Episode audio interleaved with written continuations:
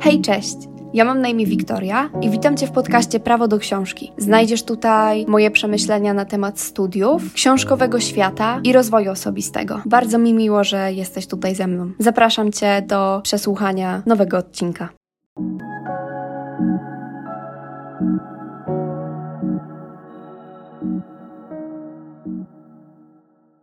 Przeczytałam prawie połowę Yellow Face'a i powiedzcie mi, czy June jest naprawdę tak zła? W sensie, zauważam, to jest moim zdaniem bardzo dobry zabieg i bardzo mi się to podoba.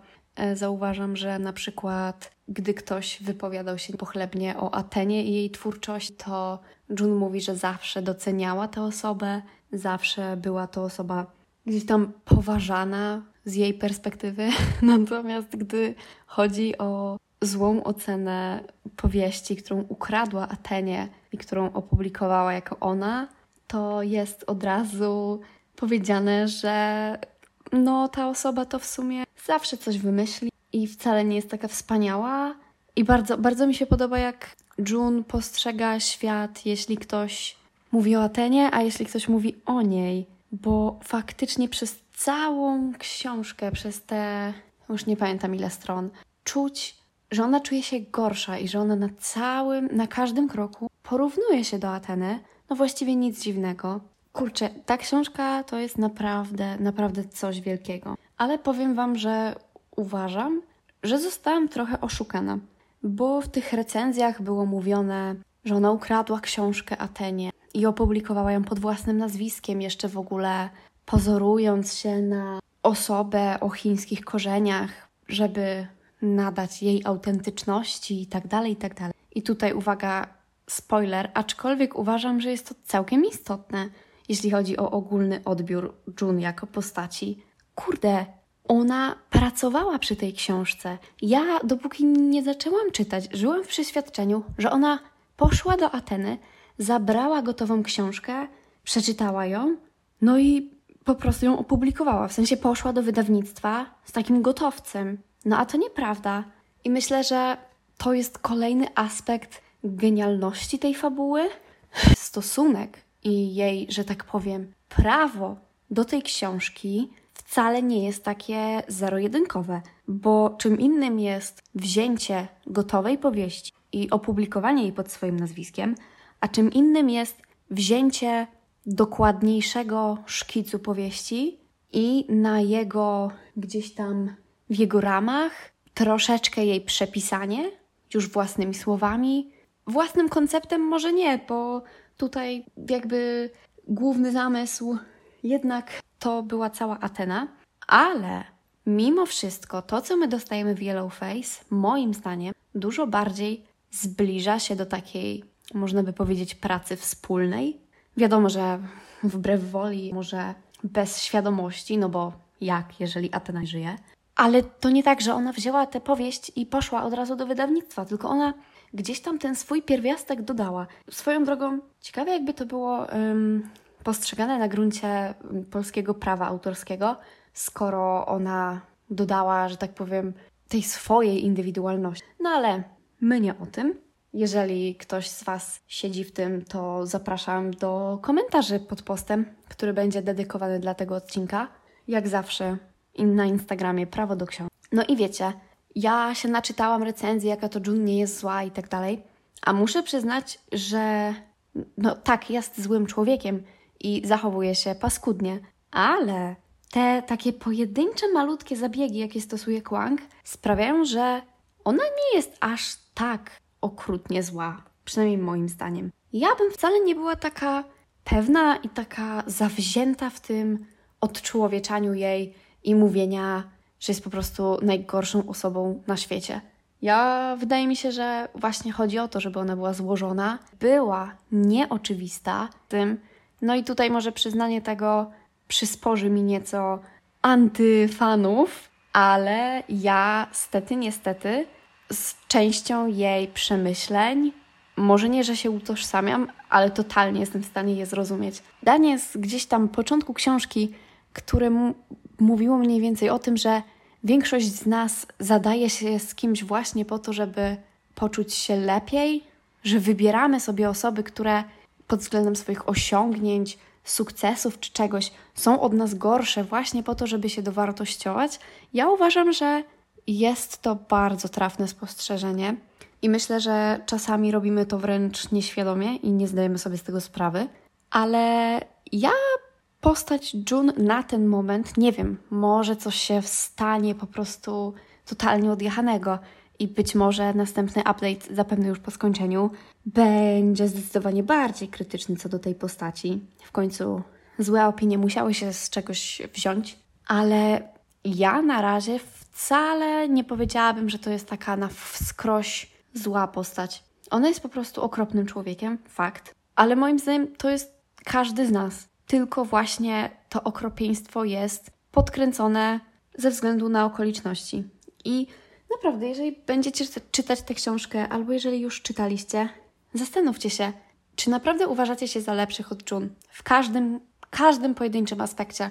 Czy może jednak jesteście w stanie znaleźć coś, co by was łączyło, albo coś, gdzie, albo jakąś sytuację, gdzie wasze postępowanie być może byłoby zbliżone. Nie mówię, że takie samo, albo w tak drastycznym i natężonym negatywnością sposobie, ale może wcale nie jesteśmy tacy krystaliczno biali, jak chce się nam wydawać.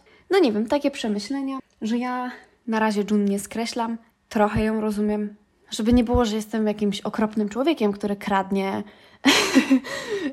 swoim znajomym e, pracę, ich życia i w ogóle, ale no nie wiem, jakoś tak naprawdę jestem w stanie gdzieś tam zrozumieć to zachowanie i widzę uzasadnienie dla niego, widzę dlaczego Jun jest taka, a nie inna i dlaczego mówi takie, a nie inne rzeczy, ale może to tylko ja i może po prostu Jun to ja i powinnam się już po prostu więcej nie odzywać. Zobaczymy. Mm, także ja lecę dalej czytać. Znaczy w tym momencie to lecę montować odcinek, ale czytać będę na pewno wieczorem i myślę, że do końca weekendu powinnam Yellowface skończyć i wtedy dogram kolejną część. Kolejny update, jeśli chodzi o Yellowface. Dotarłam do momentu, w którym na pierwszy plan wysuwa się kwestia rasizmu i kwestia tego, że, że główna bohaterka, no powiedzmy, że napisała książkę o Chińczykach, nie będąc Chinką.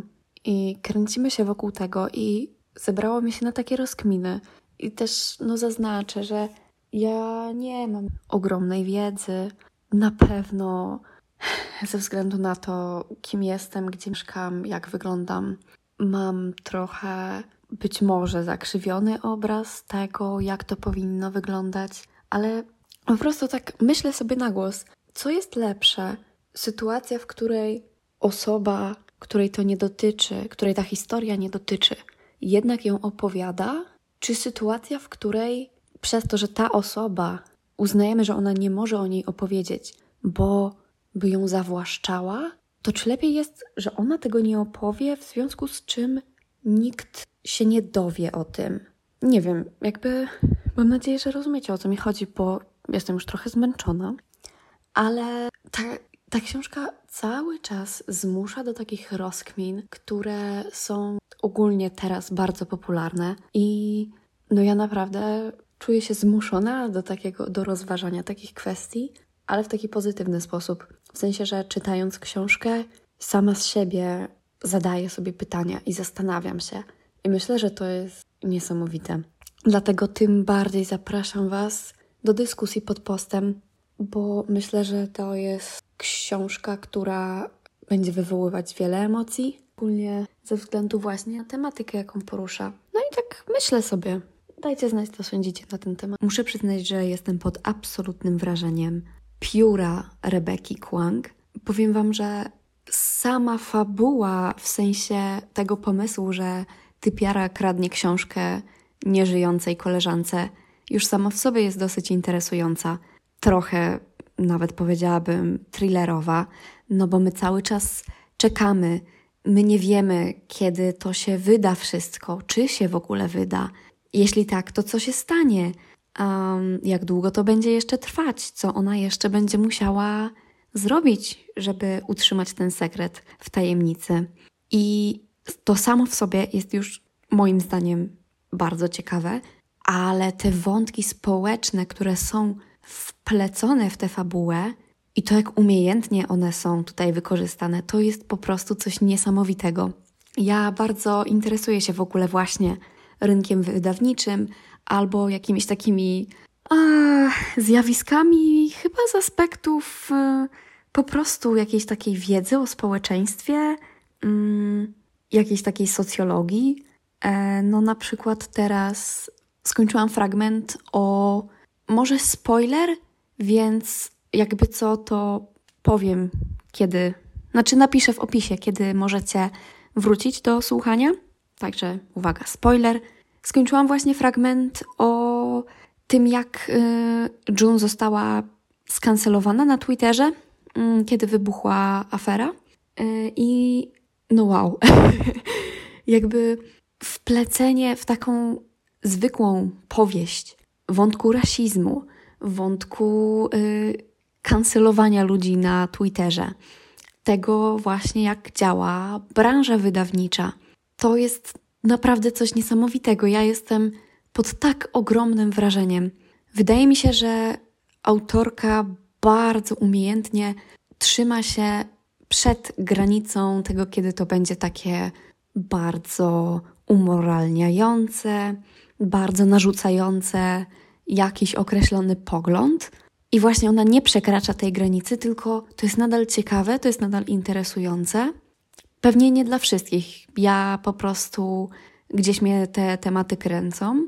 Okej, okay, powiedziałam, że rasizm mnie kręci, a przepraszam. Chodziło mi o to, że interesują mnie pod kątem właśnie społecznym takie tematy, żebyśmy się dobrze zrozumieli.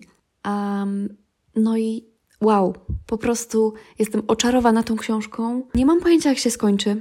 Trochę dochodzę do tego momentu, że nie chcę wiedzieć, bo nie chcę po prostu kończyć jej czytać. Um, czytajcie Yellowface, po prostu czytajcie Yellowface. Jeżeli znacie książki podobne w tej tematyce, to też możecie mi polecić, bo no mówię, jestem zachwycona. Jestem jeszcze bardziej zachęcona do innych um, książek Kwang, pomimo tego, że są zupełnie inne z tego, co słyszałam. No, Wojna Makowa, ta seria, no to trylogia, trochę wiem, no bo słucham, jestem w połowie drugiego tomu. Babel mam w planach, ale no właśnie z tego, co słyszałam o Bablu, to no on też opowiada o czymś zupełnie innym. Więc czytajcie Yellowface, a następny update zrobię już chyba po skończeniu. Kończyłam. A totalnie na świeżo, bo ledwo co zamknęłam książkę. Ja bym powiedziała, że to jest powieść o szaleństwie. Między innymi oczywiście, ale tak pierwszy ogólny motyw, jaki przychodzi mi do głowy tuż po jej odłożeniu, to jest po prostu spektakularna opowieść o tym, w jaki sposób June sama siebie doprowadziła do po prostu szaleństwa. Bawiłam się prześwietnie. Mm, bardzo podobało mi się to, że ta książka zmusiła mnie do myślenia, bo właśnie te poważne tematy, tak jak już wcześniej Wam wspominałam, że rasizm, że cancel culture, że ogólnie jakaś taka tożsamość e, jednostki w społeczeństwie i tej relacji, jakie buduje się z innymi, ale też relacje rodzinne, czy ogólnie relacje międzyludzkie, takie z osobami bliskimi bądź ich brak, to wszystko było tutaj. I to myślę ważne do zaznaczenia. June cierpi na ataki paniki i na dosyć intensywne mm, epizody depresyjne, a jeśli nie, to po prostu bliskie takim epizodom yy, przeżywa emocje. Dlatego, jeżeli jesteście wrażliwi na te tematy, no to po prostu pomijałabym te fragmenty. Nie jest ich jakoś bardzo dużo, ale gdzieś tam budują narrację i budują fabułę. Także tutaj zwracam na to uwagę. Bardzo podobało mi się pokazanie, że wchodzimy coraz głębiej i głębiej właśnie w tą prawdę June. I ona z jednej strony doskonale wie, że kłamie, ale z drugiej strony zaczyna sama siebie przekonywać, że jej prawda jest prawdziwa. I myślę, że pod koniec książki ona też w to wierzy. uwierzyła w te swoje kłamstwa sama, ona sama, doskonale wiedząc, jak jest naprawdę. Dodatkowo myślę, że można też spojrzeć na jej postać, właśnie zarówno biorąc pod uwagę kwestie e, rasistowskie i nie, ponieważ ona jest biała i z jej myśli i z jej podejścia wynika, że w sumie to wszystkie te kobiety, które ją krytykują, które się na nią uwzięły, są Chinkami bądź są pochodzenia chińskiego. E, także można patrzeć na to w taki sposób, ale równocześnie można patrzeć na to po prostu, nie patrząc na kolor skóry, czyli że po prostu Jun uważa się za wspaniałą, za genialną, a wszystkie inne kobiety chcą ją po prostu z tego piedestału zrzucić i robią to za wszelką cenę. A Jun przecież nic nie zrobiła i właściwie to nie wiadomo, jaki one mają problem. Więc to mi się też podobało, że właśnie z jednej strony mocno wchodzimy w ten rasizm, bo gdzieś tam wiadomo, że to był jeden z głównych wątków i on się intensywnie przewija, ale jednocześnie patrząc po przemyśleniach June, których no wiadomo, że jest tutaj po prostu najwięcej, można, przynajmniej ja to też odbieram w ten drugi sposób, że oprócz tego, że rasizm i walka z rasizmem, to przy okazji po prostu takie podejście bardziej e, jednostkowe, bardziej osobowe. Tak jak mówiłam, książka mocno skłaniająca do refleksji. Troszeczkę dzieliłam się nimi z Wami e, tutaj w trakcie, ale czytając miałam naprawdę mnóstwo myśli i bardzo rozkminiałam tematy, jakie książka poruszała. Bardzo Was w ogóle do tego zachęcam. Mm, jeżeli macie zamiar czytać Yellowface, to zapraszam do dyskusji pod postem, który będzie dedykowany temu odcinkowi, tej recenzji. Mam nadzieję, że coś tam sobie pogadamy i wymienimy się wrażeniami. Muszę przyznać, że to jest chyba pierwsza książka, w ogóle mam ostatnio jakąś fazę na pierwsze książki, e, którą przeczytałam z takim mo mocnym komentarzem społecznym i bardzo mi się to podoba. Szczególnie, że Kwang, tak jak już wcześniej wspominałam, znalazła te granice pomiędzy żałosnym moralizatorstwem, którego nie da się słuchać, a ciekawie wprowadzonym w kontekst problemem. No i właśnie znajduje się oczywiście po tej drugiej stronie. Dlatego będę poszukiwać więcej takich książek i jeżeli znacie coś takiego, to możecie mi też polecić. Postaram się albo tutaj w Spotify jakieś takie otwarte okienko zostawić, albo właśnie zapraszam Was na moje konto na Instagramie, prawo do książki i pod post dedykowany właśnie Yellowface. Dzięki bardzo, że byliście tutaj ze mną. Dziękuję za przesłuchanie tej recenzji. Mam nadzieję, że podobała Wam się taka forma. Wszelkie e, prośby, skargi, zażalenia oczywiście przyjmuję. Mm, także do następnego. Dzięki za przesłuchanie. Cześć.